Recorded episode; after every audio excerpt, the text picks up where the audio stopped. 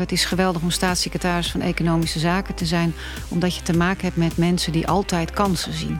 Het doel natuurlijk van die anderhalve meter uh, samenleving is om te zorgen dat we niet alles dicht hoeven te doen, maar dat we juist zoveel mogelijk ruimte geven waar het kan. Leuk dat je luistert naar de Groeikast.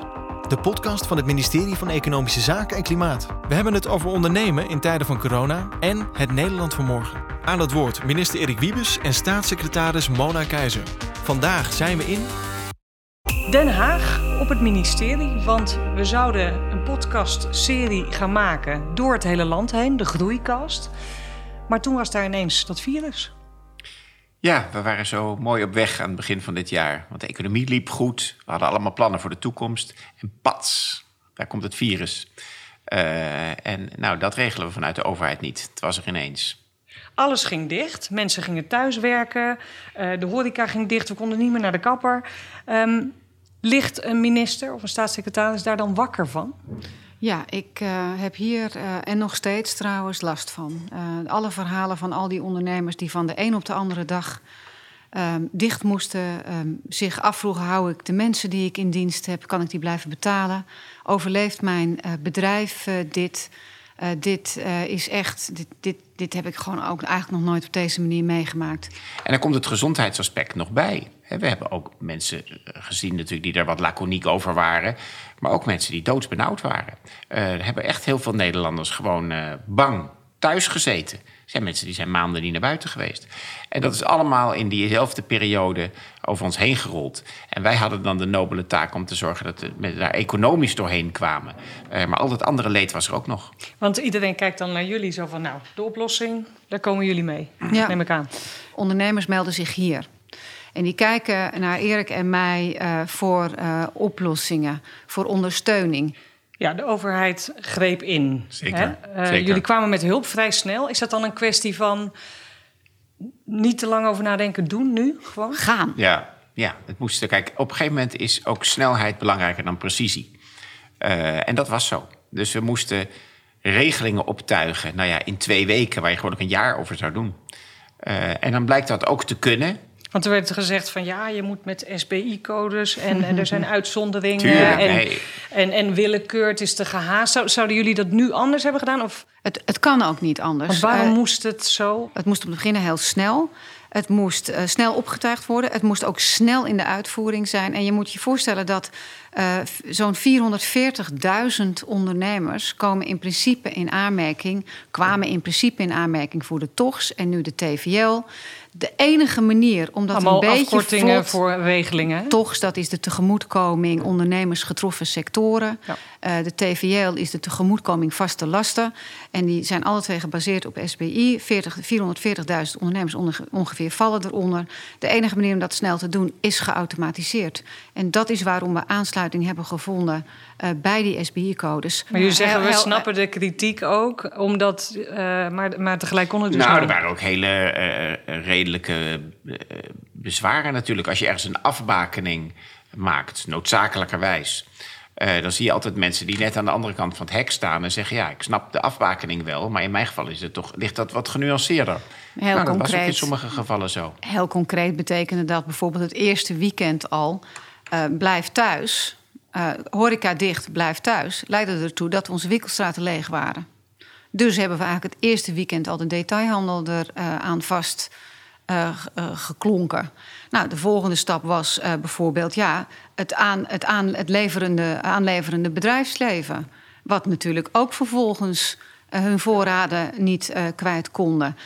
de cultuursector, anderhalve meter afstand houden, ja, heeft daar natuurlijk ook consequenties. Nou, en zo hebben we de afgelopen tijd um, echt wel een flink aantal nieuwe sectoren toegevoegd. Als we naar het nu kijken, um, het tweede noodpakket is er.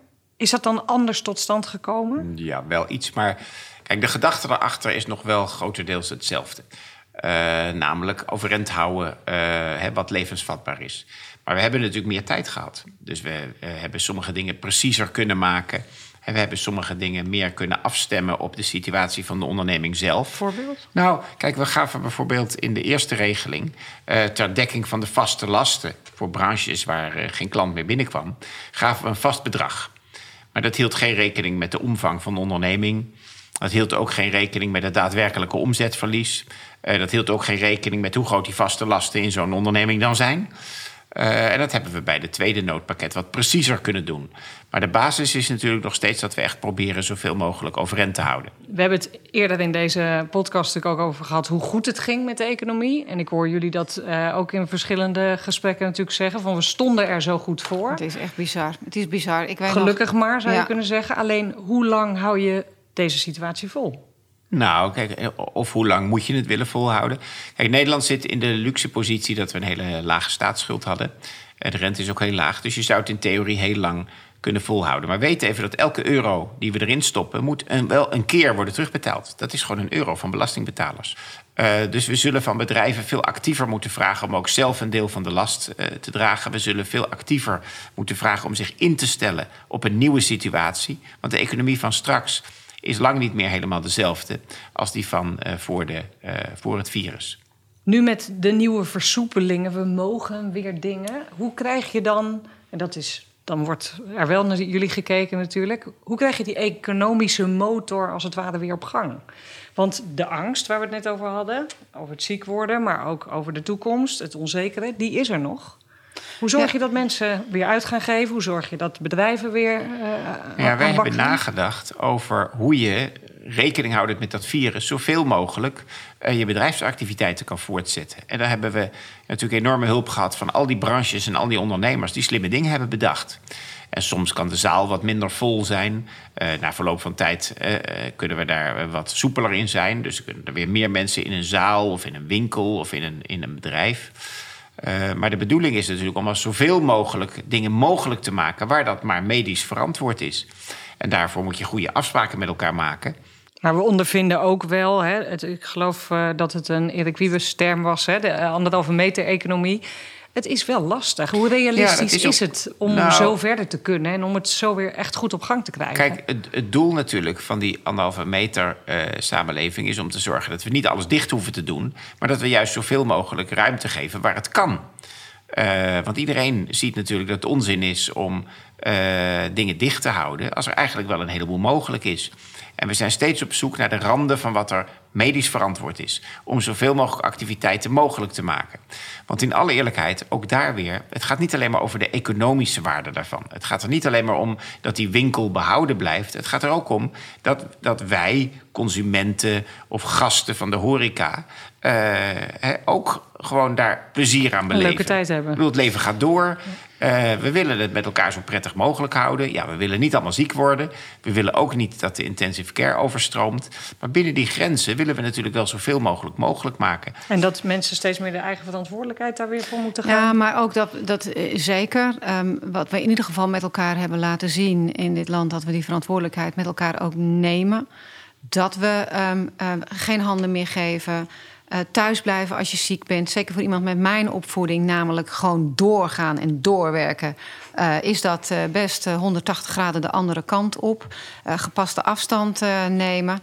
Dus dat is wat we hebben laten zien met elkaar. En wat we gedaan hebben, is elke keer weer als iets versoepeld werd, liep je ook hier weer net tegen de volgende aan. Dus op een gegeven moment versoepelde het openbaar vervoer. En de touringcarbedrijven die zeiden van ja, maar hé, hey, wacht eens even. En wij dan? Uh, je mag wel in een lijnbus zitten met een mondkapje op. En je mag niet in een touringcar zitten terwijl wij aan triage kunnen doen. En vervolgens ook nog de gegevens hebben van mensen, want ze hebben een plekje gereserveerd. Nou, dat breng, uh, dat breng ik dan ook in, in die hele discussie. En dan samen met uh, deskundigen, virologen, microbiologen, collega's in het kabinet, zetten we dan ook uh, vervolgens de volgende uh, stap. Toch even, uh, als we het over dat vertrouwen hebben, ook even ja. een paar kleine feitjes. Hè. Um, internationaal, het IMF voorspelt dat er een, een, een negatieve schok komt van 7,5 procent in de min in 2020. Ja. De Nederlandse economie gaat uh, flink uh, krimpen, ik geloof 6 procent. Um, het consumentenvertrouwen, sterkste daling ooit. Producentenvertrouwen, sterkste daling ooit. Oplopende werkloosheid, faillissementen, dat horen we allemaal nog steeds. Ja. Pff, niet, niet zo positief nog, hè? Nee, nee, wie had dat verwacht dat het positief zou zijn? Maar dat betekent dat we ons nu wel weer echt moeten gaan richten op het lostrekken van de economie. En, en, en een nieuwe economische impuls. Eigenlijk weet iedereen wel dat er heel veel meer woningen bij moeten komen. Eigenlijk weet iedereen wel dat er heel wat aan de infrastructuur moet gebeuren. Eigenlijk weet iedereen wel dat we in dit land veel te weinig uitgeven aan echte goede innovatie en onderzoek. Uh, en eigenlijk weet iedereen wel dat we überhaupt aan het terrein kennis uh, te weinig uitgeven. En eigenlijk weet iedereen wel dat het ook niet zo gek zou zijn om een paar van die duurzaamheidsinvesteringen net wat eerder te doen. En dat betekent dat we ons eigenlijk de crisis uit willen investeren. En dan slaan we twee vliegen in één klap. Dan hebben we een economische impuls. Maar doen we eigenlijk ook waarvan iedere Nederlander wel weet dat dat toch gemoeten. En is best nuttig. Dus dat is, ja, als je naar mij vraagt, Emona, is er nog iets positiefs aan dit hele gebeuren? Zijn er twee dingen. We hebben ons weer gerealiseerd wat, wat, wat we toch een ongelooflijke sociale wezens zijn. En uh, wat in ieder geval uh, duidelijk is, dat als je de, jezelf uh, de crisis wil uit investeren, moet je dat doen door je er zelf eruit te innoveren. Nou, daar liggen alle plannen min of meer voor klaar. Er zijn ook wat ondernemers die uh, wij hebben gesproken, die zelf al een draai hebben gegeven aan de situatie waar ze mee te maken kregen. Wij maken normaal gesproken uh, dingen die water vervoeren, dus pijpen en fittingen. Dat maken wij nog steeds. En wij maken daarbij additioneel face shields. Kijk, het is eigenlijk een, heel simpel product dat helpt om druppels met virus weg te houden bij het gezicht van zorgverleners. Iedereen wil helpen in deze coronatijd, alleen het is niet zo makkelijk om echt te helpen. En wij zagen hier een kans om gewoon echt uh, significant te helpen en die hebben we gepakt. Ja, we hebben een kunstcentrum met een restaurant in Amsterdam. In Amsterdam aan het water hebben we een aantal kassen staan al. Die werden tot nu toe alleen gebruikt voor kunstprojecten, maar daar hebben we nu terrastafels ingezet. Waardoor je daar met z'n tweeën of met z'n drieën perfect in kunt zitten eten. Ik heb een uh, bedrijfje in fotografie. En uh, ik richt me vooral op uh, fotografie van pasgeborenen. Kleine baby's en de, en de ouders zijn natuurlijk super kwetsbaar. En daarom fotografeer ik door het raam. Het, het, is natuurlijk super leuk om met elkaar nieuwe dingen te proberen en, en te zien hoeveel plezier dat geeft. Dit zijn geen grote innovatieve plannen. Maar het geeft wel aan dat ondernemers hebben gedacht... hé, hey, dit, ik, ik, kan zo niet door, ik moet uh, op een andere ja, manier kijk, te je. Hier, je hoort hier twee dingen. Ten eerste voelen ondernemers zich natuurlijk terecht verantwoordelijk voor hun bedrijf... en gaan aan de gang. Daar hebben ze de overheid niet voor nodig. Ze gaan gewoon bedenken hoe ze hieruit moeten komen. Dat moeten jullie mooi vinden. En het tweede daarvan Prachtig. vind ik ook dat het mooi is... dat die ondernemers en hopelijk ook hun klanten... er ook gewoon plezier aan beleven. Weet je, het is ook wel weer leuk om iets nieuws te verzinnen... en te zien hoe we hier met z'n allen uitkomen. En dat tekent ook de samenleving. Ja. ja, en ik vind het trouwens wel ongelooflijk innovatief hoor. Je zal, het zal je gebeuren. Uh, je bedrijf dicht. Uh, met al je personeel, al je voorraden die je hebt. En in plaats van dat je je, je, je, handen in je haar steekt en denkt van mijn hemel, bedenk je gewoon uh, dit soort zaken. Ik vind het uh, fantastisch. Want innovatie is natuurlijk grote technologische ontwikkeling, maar ook gewoon uh, in het kleine petje af. Oké. Even naar de toekomst. Um, alles is anders. We kijken naar een, een, een, nieuwe werkelijkheid. Laten we even zeggen dat hier een grote tekentafel staat. Wat, wat gaan jullie maken? Hoe gaat die ja, kijk, nieuwe dat gaan wij namelijk, uh, Dat gaan wij namelijk niet doen. Want als we het al zouden kunnen... dan zouden die Nederlanders ons keihard uitlachen... over dat wij zogenaamd wel even zouden weten... hoe de economie van straks eruit Die ziet. kun je niet tekenen. Nee, zo'n land is het niet. Uh, maar zo werkt de economie ook niet. Kijk, wat het punt is... al die ondernemers, ook die we net hoorden... maar ook al die anderen... die gaan weer opnieuw bedenken... hoe zij kunnen zorgen voor economische voorspoed... voor een gezond bedrijf uh, en voor al die banen. Want even nog terug naar als we het hebben over investeren uit de crisis. Um, ja, ik hoor ook mensen zeggen: dit moet geen nieuwe schuldencrisis worden. En daar lijkt het voor veel bedrijven bijvoorbeeld wel op. Hè. De Belastingdienst heeft ze wat uitstel gegeven. Ze, bouwen zelf hun schulden op. Um, er moet wel geld zijn om te investeren. Moet dat dan allemaal van de overheid komen of moet dat uit eigen gelederen komen? Nou, kijk, we hebben de eerste en de tweede klap hebben we in belangrijke mate natuurlijk vanuit de overheid voor rekening genomen. Maar dat kan niet zo blijven. Maar iedereen ziet dat dat niet zo kan doorgaan. Uh, dus het zijn uiteindelijk ook de ondernemers, de aandeelhouders uh, en de vreemd vermogenverschaffers die zelf in actie moeten komen en zien waar ze uh, en op welke manier ze hun geld weer gaan terugverdienen. We vroegen een aantal ondernemers naar ja, waar ze benieuwd naar zijn, naar hoe dit verder gaat uitpakken. Daar gaan we even naar luisteren. Hallo, ik ben uh, Wouter Overhuis. We zijn een ontwerp- en communicatiebureau in Amsterdam. En we maken gebruik van de regelingen in verband met de coronacrisis. Stel, er komt geen tweede golf. komt er dan na 1 oktober nog aanvullende ondersteuning. Ik ben Remmert Stipdonk, directeur van Info. De overheid doet veel om de economie in Nederland weer op gang te helpen, waaronder investeren in innovatie. En mijn vraag is: hoe kan het innovatieve MKB versneld profiteren van de investeringen die door de overheid gedaan worden? Nou, mijn naam is Lindy Kuit en ik ben copywriter bij Maximum. Thuiswerken is altijd een onderdeel geweest van onze werkcultuur. Nou, daar merken we een aantal voordelen natuurlijk in. Uh, we zitten veel minder in overvolle treinen, we zitten veel minder uh, in de auto in de file. En de vraag is nu eigenlijk, wat gaat de overheid doen om het thuiswerken ook in de toekomst te stimuleren? Ja, als er na oktober inderdaad nog weer een vorm van steun komt, wie komt daar dan voor in aanmerking? Nou, kijk, het is precies natuurlijk de vraag in hoeverre dat nodig is. Um, er zullen een aantal sectoren zijn die zichzelf echt wel weer kunnen redden. Er zullen er ook een paar zijn die ja, nu, maar misschien ook straks, dat perspectief niet meer zien. Ja, ik denk dat, we ook, dat er een moment komt waarop de belastingbetaler daar niet meer voor moet opdraaien. Wanneer dat moment precies is, dat moeten we echt zien. Uh, dat worden op een gegeven moment ook wel weer echt uh, weekkoersen. Daar kan ik nu nog niet zoveel over zeggen. Niemand kan eigenlijk zeggen wat dat virus in het najaar gaat doen. Uh, maar we moeten wel allemaal voor ogen houden... er komt een eind aan de situatie waarin de overheid alles blijft bijplussen.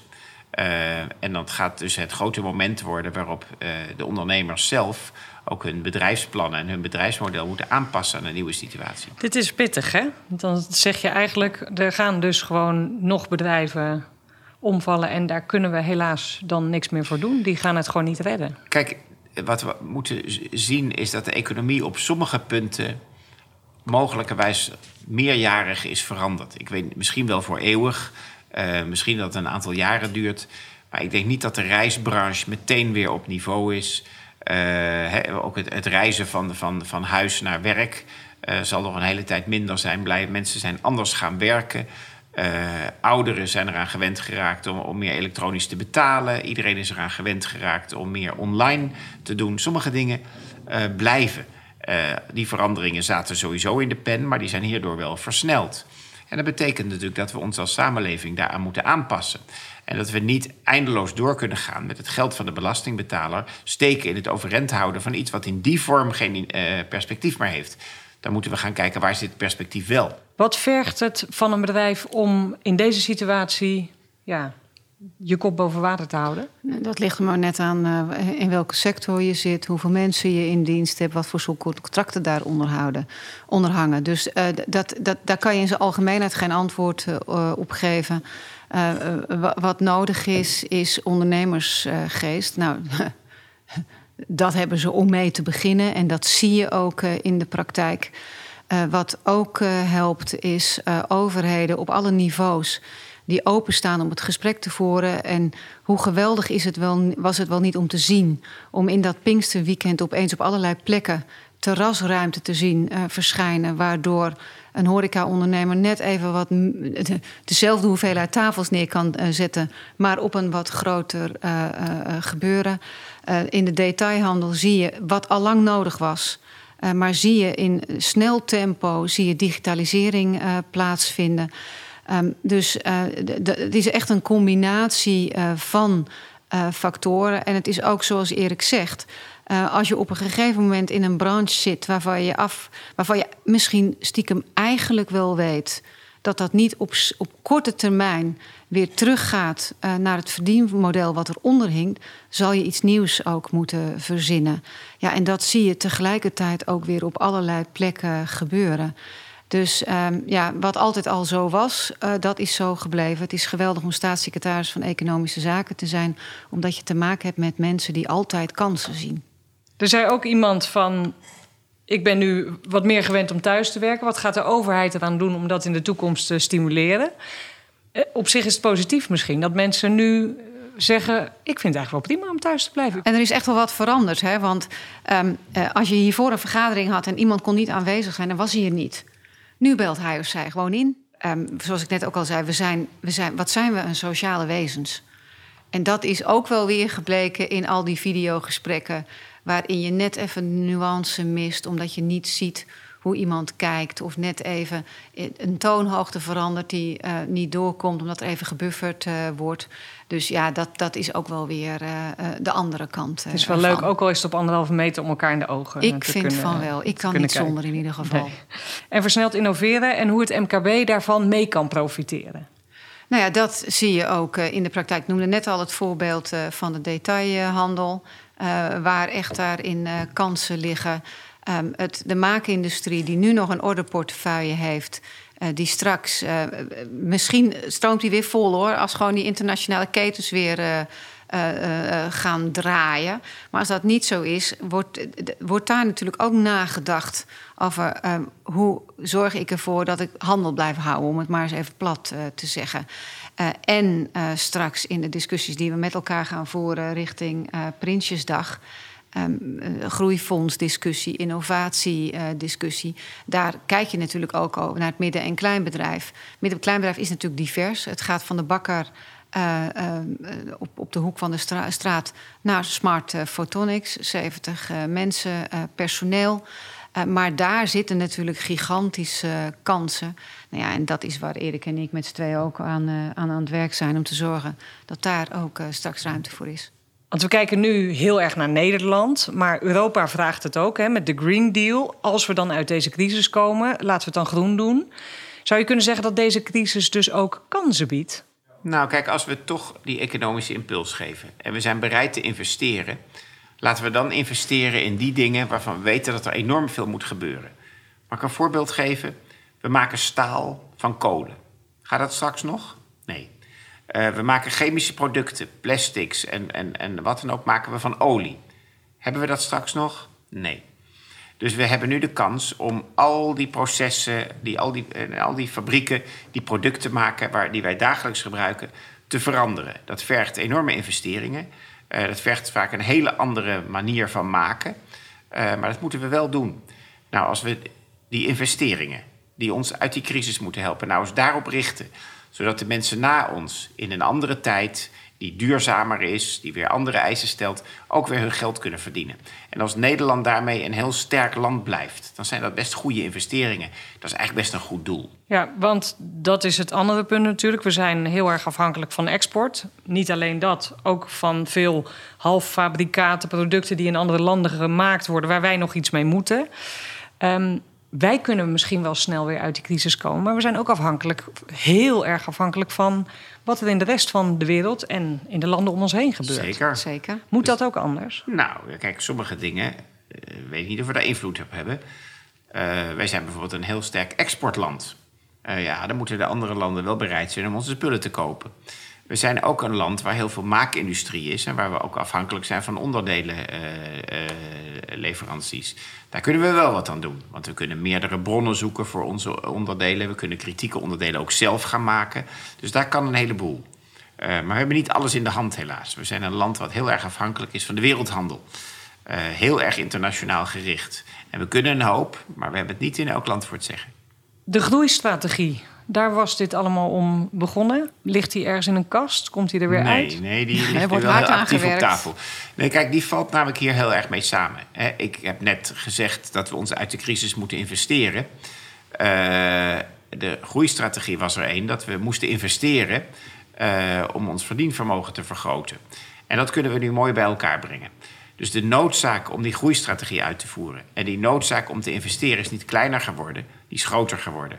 En die moeten we nu goed gaan benutten. Maar we hadden het over welvaart eerder. Ook uh, het daarbij uh, behorende geluk, wat we in de toekomst voor onszelf uh, willen behouden.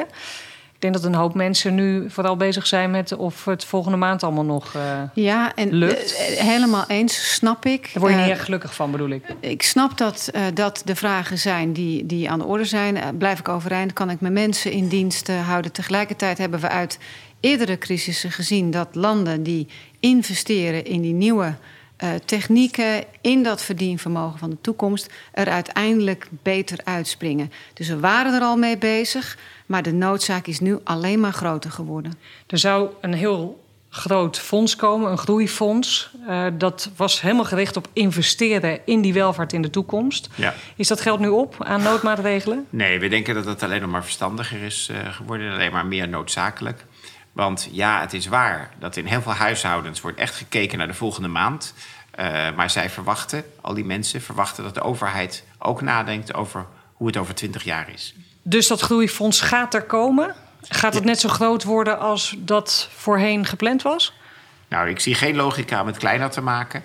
Uh, we moeten echt, echt uh, realiseren dat als we nu niet in actie komen, dat we er over 20 jaar spijt van hebben. Dus dan hebben we het over miljarden. We hebben het over miljarden. Ja, en hier zit ook nog wel een, een, een kant aan van vertrouwen, consumentenvertrouwen, vertrouwen van de Nederlanders uh, in een toekomst. Want je zal maar net in een sector zitten waar je straks uh, uh, wel zonder baan zit.